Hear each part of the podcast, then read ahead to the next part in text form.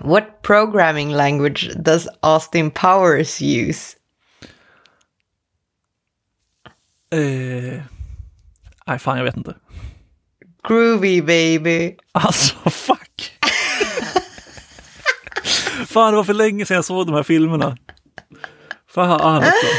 Och då tänkte jag ändå på det typ i, igår, för att det var något alla mot alla avsnitt när det var någon fråga om Austin Powers. Så tänkte jag, fan man kanske ska kolla om Austin Powers-filmerna. Jaha. Ja, Jag vet inte, det här, det här var senast, jag såg någonting om Groovy flasha förbi. Och då tänkte Ja. jag, jävlar, det var länge sedan. Och sen direkt så gick jag ut till Austin Powers. Jag vet inte, jag ber om ursäkt alla. Det, var är ju- så här nu. Det var ju svinbra. Varför svir? Alltså det, det, det gjorde mer ont än något annat. Nej, jag tycker det var eh, ett av de bättre på länge. eh, ja, ja, hörni. Välkomna till ett nytt avsnitt av ASDF. Vi eh, tänkte försöka, det var ju något avsnitt sen när vi, jag sa att jag hade tre små notiser vi skulle prata om. Tror att jag sa det i inspelningen också. Eh, och vi hann igenom en av dem, så vi tänkte vi fortsätter på den listan och ser hur det går. Och eh, nu är det ju så här, inte riktigt lika aktuellt längre, men så är ju vi. Vi är liksom inte de som springer med skopen, utan vi eh, eh, kommer helt enkelt lite senare än alla andra. Springer med scoopen också. Ja, nej men eh, vi är inte Gen Zs. Det kan vi Exakt. konstatera. Men eh, det var ju eh, för några veckor sedan när eh, Twitter, eller Elon Musk egentligen kan man väl säga, för det känns ju som att det är han som ligger bakom varenda litet beslut där nu, stängde av eh, API-accessen för eh, tredjepartsappar. Just det. Och Ah, jag vet inte om jag någonsin har sett liksom, eller upplevt någon, liksom, där ett företag som ändå har ett ekosystem som är ganska utvecklarnära och liksom driver ganska mycket, ja men så här, det har ju byggts ganska mycket tjänster ovanpå Twitter. Och jag vet liksom inte om jag har någonsin sett ett så snabbt, en snabb ändring i att så här, nej nu, nu, fuck them all, nu skiter vi dem. Och sen ta ett beslut som är åt helt andra hållet. Ja, alltså, alltså vad hände? Jag kommer ihåg att du sa det där och sen har jag glömt bort det. Men, vad har hänt efteråt liksom? Vad... Eh, nej men de stängde ju av, eh, det, har- ju alltid funnits liksom en gratis eh, nivå API. på, på Twitters eh, API, där du har kunnat gjort ganska mycket. Alltså det är därför det finns väldigt mycket bottar som postar automatiskt och det är väldigt många som, Och Eh, TweetDeck. Ja exakt, alltså tredjepartsappar har ju gått via det här för att de har inte kostat pengar till exempel. Och, Och alltså, de släppte helt sjuka priser va? I, ja, alltså de priserna, jag ska försöka hitta dem för jag har dem inte framför mig nu. Men eh, alltså det var helt sinnessjukt hur mycket det kostade. Alltså det var liksom, jag tror det var typ 3000 dollar i månaden. Eller om det var 300 dollar i månaden kanske. För typ 500 requests eller något sånt.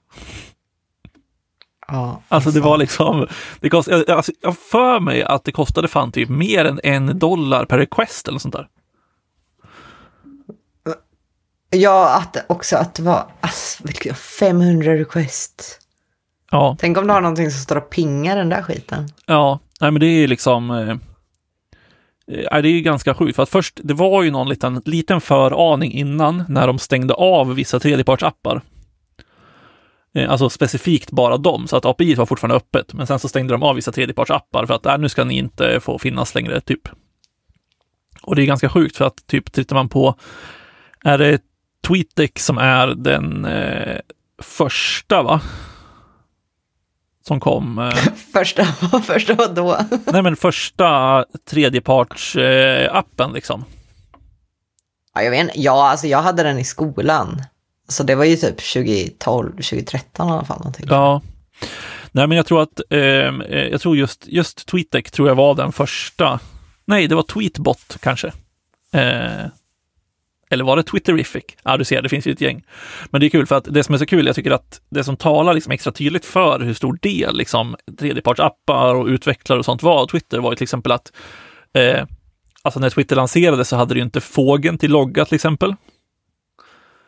Eh, Utan det kommer från en, jag tror att det var Twitterific, som hade en fågel, en blå fågel som loggade först. Jaha, jag hade ingen aning. Och jag tror också, nu minns jag inte om det var Twitterific eller om det var en annan, eh, som eh, myntade uttrycket tweet. Mm, mm. Men okej, okay, men vad hade de som första... Ah, ja, okej, okay, men det vi vill säga med det är att liksom Twitter har varit otroligt beroende av sin community liksom och att folk har fortsatt driva på deras idé och varit innovativa. Ja, ja men exakt.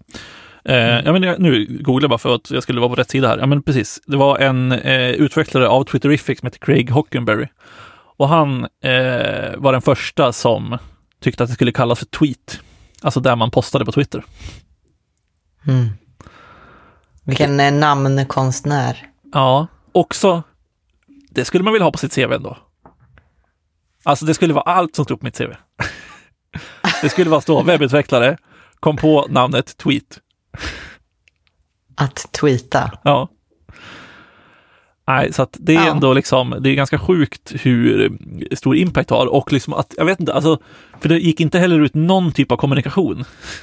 Alltså inte på Twitter, ingenstans, utan de bara bröt API-accessen för gratisanvändare och sa, att, och sa ingenting, utan det slutade bara funka. Va? Ja. Och sen tog det är typ, det så folk fick reda på det? Ja, och så tog det typ två dagar innan Twitter kommenterade och sa att ja, vi har avbrutit gratisnivån.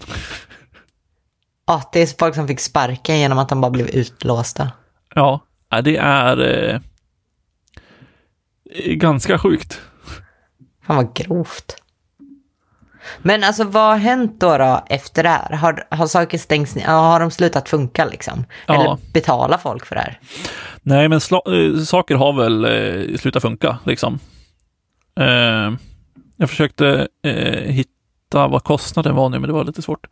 Och det är liksom så här, bottar har slutat funka. Alltså det, det gick runt, när det här var, liksom hände så var det väldigt många som postade eller som retweetade så här bottars sista meddelande till världen. Typ för att alla bottar skrev ut sig bara tack för, tack för den här tiden, vi hörs aldrig mer. Och sen ja. dog de. För fan, deppigt. Ja, det är eh, ganska sjukt faktiskt. Men alltså jag Sen har de, jag tror att de kanske har ändrat sig lite grann efteråt. Alltså eh, att typ för vissa användare att man ska kunna skicka några gratis tweets per månad via API. Men jag har liksom inte sett någon bot som har kommit tillbaka eller någon som har liksom sagt att så här, ah, det är toppen. Utan allt är bara, eh, nej, det är, det är doom and gloom känns det som. Ja. Alltså jag trodde fler skulle ha lämnat Twitter, men alltså det är så många, det är så etablerat, så det gör man väl inte. Men det är ändå så här, jag trodde Twitter skulle vara mer dött. Ja. Men det funkar ju aldrig så. Gör det ju Nej, inte. nej, och jag vet alltså så här, jag, nej, exakt. Jag har väl blivit mindre aktiv på Twitter, skulle jag våga påstå ändå. Eh, och även skaffat eh, Mastodon. Men har liksom inte riktigt kommit in i det. Alltså jag tycker det är, det är styrkan med Twitter är ju att folk hänger där. Ja. Och det är liksom som, det är, det är som med allt annat, att det är ett jävla problem att faktiskt få över folk till andra ställen. Sen tror jag att Mastodons äh, möjlighet att faktiskt lyckas tror jag har ökat enormt mycket på grund av vad fan de har gjort. Alltså annars tror jag Mastodon hade varit liksom en, en, eh, ett sandkorn i en öken så att säga. Men som det är just nu så tror jag ändå att Mastodon så här, ja men det kan nog, för nu har vi ändå fått över lite så här, alltså måste ju nå någon typ av kritisk massa innan folk börjar så här, ja men fan jag tar Mastodon istället. Gud. Alltså jag blir, jag blir ju trött, för det här betyder att jag måste liksom börja anstränga mig igen. Alltså jag är nästan så att jag har insett att jag måste börja hänga på TikTok istället för Instagram. Och det är fan jobbigt alltså. Ja, det står jag inte bakom. Nej, men om alla content creators som jag följer och som roar mig flyttar över till TikTok för att Instagram dör, då har jag inget, då har jag inget kul content att kolla på. Ja, nej, det är sant. jag har väl försökt hålla mig undan TikTok av ett par anledningar. Alltså en är ju så här att det känns fett beroendeframkallande. Alltså jag tror inte jag har den disciplinen att inte sitta och scrolla i en evighet där. Jag tror att deras algoritm skulle pinpointa mig på en sekund vad jag vill ha för innehåll. Ja. Alltså jag tänker att det är ett djupt hål man aldrig går ner i. Eller alltså man går ner i hålet så kommer man aldrig upp igen. Nej, exakt. Exakt. Ja, men sen så tänker jag också att jag kanske vill undvika att ge, jag vet inte ens vilka som gör det, är det. ByteDance? Eh, ja, ja, Kina i alla fall. Mer information. Ja. Alltså det säger ju ändå någonting om en app. När den liksom blir typ bannlyst bland liksom politiker och eh, riksdagar och sånt runt om i världen. Jag vet, alltså så här har jag tänkt mycket också. Nu, nu halkade vi in på andra saker, det var inte meningen. Men så här har jag tänkt lite grann också. Men sen blev vi så här, ja, men vad ska jag roa mig med i världen? Ja, nej, absolut, absolut. Plus att jag har en jävla Xiaomi-dammsugare. Jag har två Xiaomi-dammsugare. Så att jag är redan rökt. Ja, gud ja. Du har liksom en liten kamera som åker runt där hemma. Ja. Du vaknar någon natt av att den sitter i, uppe i sängen och tittar på dig. Fan, nu börjar dammsuga mitt huvud. Exakt. Nej, men jag vet inte. Eh, för att komma, hoppa tillbaka till Twitter så tror jag liksom så här att eh, jag tror väl att Twitter kommer att överleva. Nu har ju Musken sagt att eh, han ska hitta någon ny vd och grejer också. Men Alltså, jag tror ändå att det är liksom en jävla... Jag tror att de har tagit en ordentlig smäll. ja, men folk följer efter. Meta har väl, Meta Blue. Ja, alltså det är inte ganska sjukt ändå att de bara så här, ja, ah, vi kör samma sak. Jo, men eh, det funkade väl antar jag. Ja, Eller? fast jag, jag vet inte, gör det det? Alltså, Nej, jag vet inte. jag har liksom inte sett någonting. Allt jag ser på Twitter om folk som har Twitter Blue eh, är ju liksom att de är så här, ah, du har Blue, du är en idiot. Ja. Men det här med att man får verifierad taggen, de som var verifierade, får de fortfarande vara ver- verifierade utan att köpa Blue? Ja, det står typ så här, du har någon, den här personen var verifierad innan vi startade Twitter Blue eller något sånt där. Ja. Och sen har de väl sagt att de ska ta bort det, men eh, det har de ju sagt då i ett år nu typ. Allt sånt här är sjukt. Alltså jag, jag funderar på, man borde kanske bara gå off-grid alltså. Ja, ja det, är, det är definitivt lockande. Men gärna off-grid med en liten dator, så man kan sitta och programmera lite ibland. Det hade varit perfekt. Usch. Nej, men det är, ju, det är ju så jävla sjukt att man säger, okej, men API har ju hjälpt till att hålla folks intresse, har byggt vår community, har byggt en massa bra features tagit oss framåt. Och jag menar, vad? Alltså de måste åka på en sån jävla smäll på det där. Ja, alltså sen, sen nu pratar vi liksom så här, ja men det här är det som händer med ett bolag som eh, där du liksom alienerar, kan man säga det på svenska? Alienates? Ja, oklart. Al- Nej. jo, det kan man säga. Nu kan man säga det. Alienerar. Alienerar. man Vad kan säga alienerar. vad är det algblomning och du försöker bada? Va? va? Jo, men det, okej, vänta, vänta. Ali... Hur fan stavas Alienate? Fjärma? Nej, kolla här. Alienera, det finns. Ja, det är perfekt. Okej, nu är jag nöjd. Eh, nej, men ett, ett bolag som liksom alienerar sina eh, användare och sina liksom eh, tredjepartsutvecklare och grejer. Men samtidigt, alltså så här, då har vi liksom hoppat över hela biten med att de sparkade 85 procent av arbetsstyrkan. Ja. Eh, Baserat på statistik över ditt arbete. Ja, och att Elon Musk ville att eh, Tesla, eller om det var SpaceX, jag kommer inte ihåg, utvecklare därifrån skulle komma in och granska kod som du hade skrivit och då fick du lämna in det genom att skriva ut det på papper först. det är så jävla roligt. Det är. Det är. Alltså jag kan inte ens, ja. Det är, det är så sjukt att tänka på också. Jag menar om jag tycker att min arbetsmiljö är inte så trygg. alltså fy fan. Om jag skulle jobba i USA, jag skulle bara gråta på toa. Alltså hela dagarna. Det skulle aldrig ta slut. Nej, alltså man känner ju så här, ja, i Sverige det suger ju, men det, det kunde vara värre. Gud ja.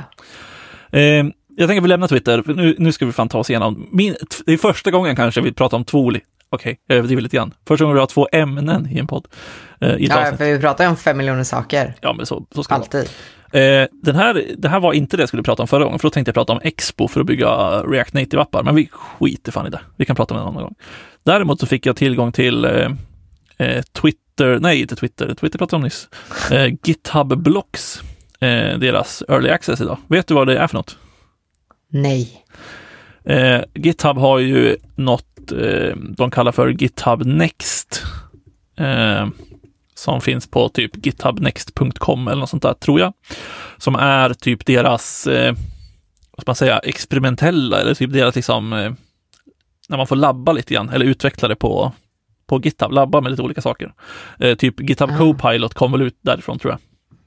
Ja, som en liten R&D som test skickar det till användare. Exakt, så är det väl eh, i stort sett.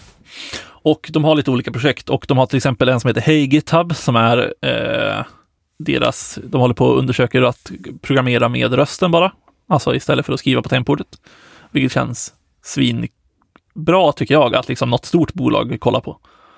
För att det, alltså så här, om man inte kan skriva på tempordet. Alltså det är göra mardrömmen då. Om man som utvecklare bara, ja men typ, är med någon olycka, kan inte skriva på tempordet längre lära ja. om sig och köra med röst och ögon typ. Så det håller de på med. De eh, hade ju Copilot som sagt. De har väl eh, gjort lite olika saker som eh, det finns någonting som heter, alltså typ eh, Code Spaces är väl där de eh, håller på med. De har liksom någon idé som är typ så här, ja men hur gör man det? Eh, att man kan samarbeta med dem och sånt. Och då även den här GitHub Blocks eh, tjofräsen. Och GitHub Blocks är egentligen ett sätt att göra eh, repositories på GitHub mer interaktiva.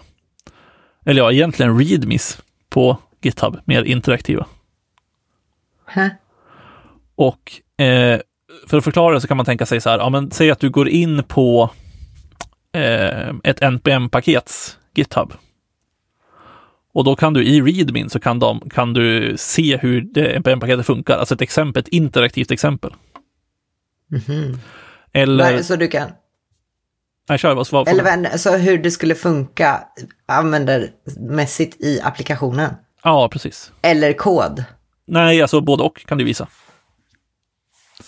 Egentligen så tror jag att det är möjligt att göra vad som helst. Alltså säg att du skulle kunna ha eh, några annat exempel tror jag är att du kan göra så här grafer över hur ditt projekt mår. Typ så här, ja, men dra in live-grafer som visar hur många stars ditt projekt har eller visar hur många besökare din sajt har eller vad det nu kan vara.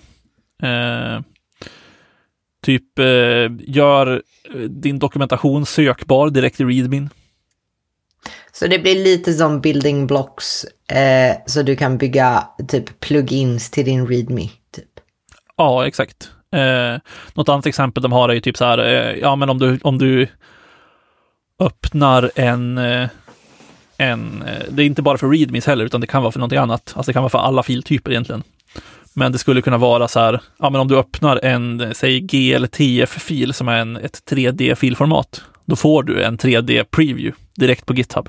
Istället för att du behöver liksom, alltså, att det är ett rått filformat bara. Men hur funkar det då? Att Säg att jag behöver ha en shader-fil och sen skicka upp den till mitt repo och då kommer repo ta en plugin som fattar att den ska rendera men det kommer egentligen inte göra någonting för mig lokalt. Nej, exakt. Det kommer ju vara extra jobbigt. Exakt, alltså det är liksom eh, som det funkar så är det att, eh, ska se, ska jag göra en liten sign-in with GitHub här och det funkade eh, såklart inte. Jo, men som det funkar är liksom att man registrerar egentligen fan ska man förklara det här utan att det blir jättejobbigt att förstå? Eh, nej, så här, man, man registrerar egentligen ett repo som att det är en GitHub-block-grej. Eller ett GitHub-block-block. Eh, så man kan liksom tagga ett repo som att så här, ja, men det här är ett, eh, ett block som man kan använda. Och när man gör det så kan liksom andra använda det blocket. Och hur blocket funkar, det är liksom att du kan bygga det egentligen med hur du vill. Alltså till exempel med typ React. Men vadå, så då mitt block är ett GitHub-repo. Så säg att jag vill ta in en rådatafil och 3D-visualisera. Då bygger jag ett program som kan göra det. Och lägger det på ett repo, reggar det som en block. Och då kan folk dra in det blocket i sina repon. Ja, exakt. För att visa upp data. Ja, exakt. Och men de blocken inte, de reporna är inte block. De Nej, bara precis. använder ett blockrepo. Exakt. Så ett block är egentligen ett sätt att visualisera någon typ av fil på GitHub. Eh, Eller så här, någon typ av fil eller någon typ av eh, fil eller hierarki. Liksom. För du kan även ha ett block som visualiserar typ en mappstruktur till exempel. Okej, så då, då är det smarta i det här då att du behöver aldrig ha någonting lokalt eftersom allting är reggat på GitHub så GitHub kommer kunna fatta att dra in det själv.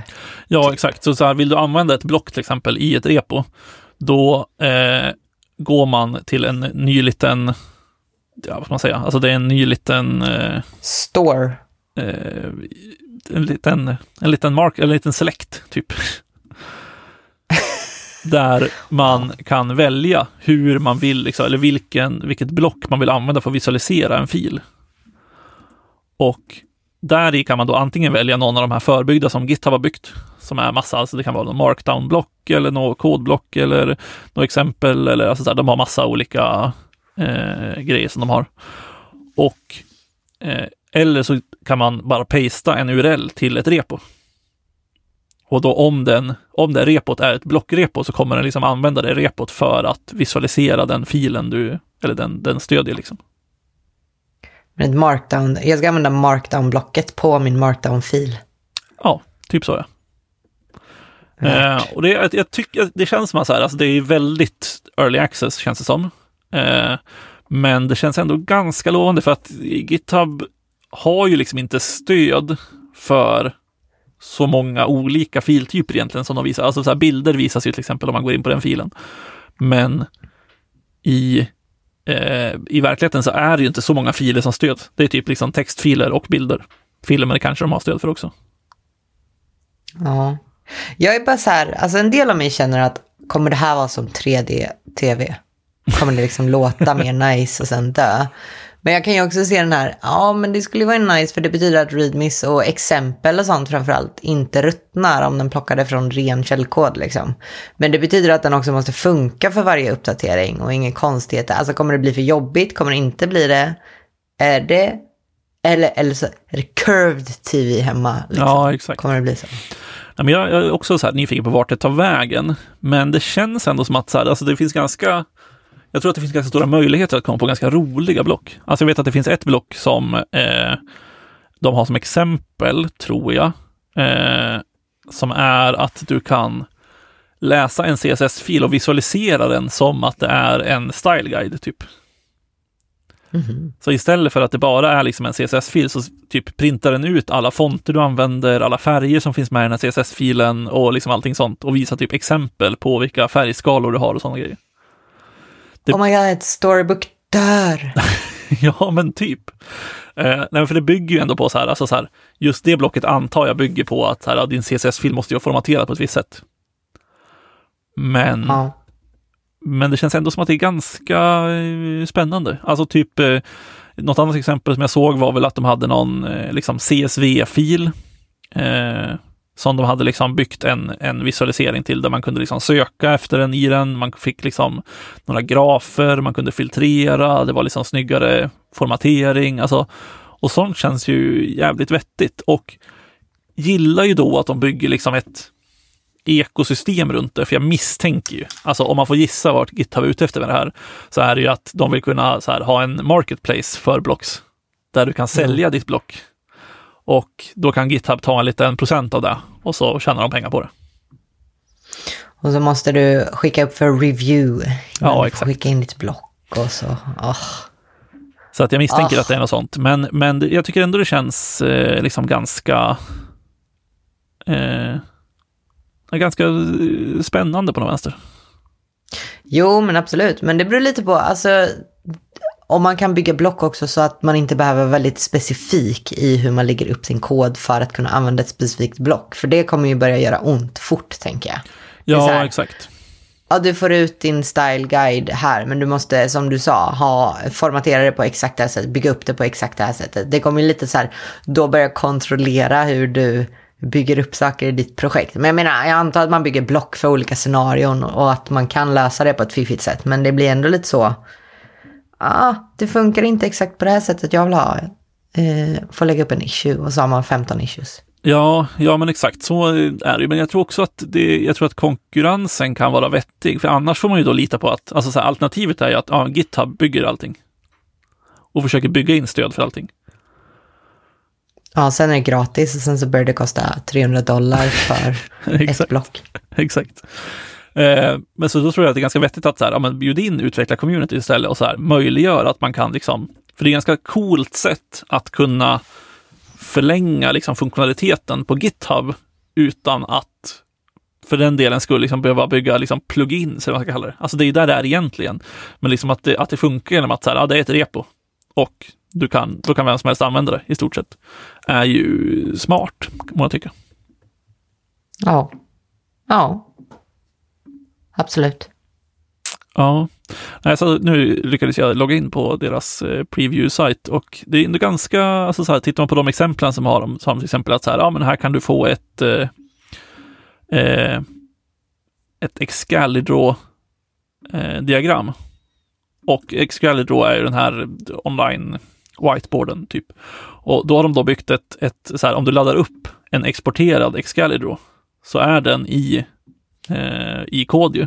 Men om du väljer blocket då, Excalibur Diagram, då kan du eh, se din, din, din ritning, eller vad du har ritat, i GitHub och även redigera den. För det är också viktigt att de här blocksen är inte bara så här, ja det här är ett sätt att visa information, utan du kan även skriva tillbaka saker till dina filer med dem.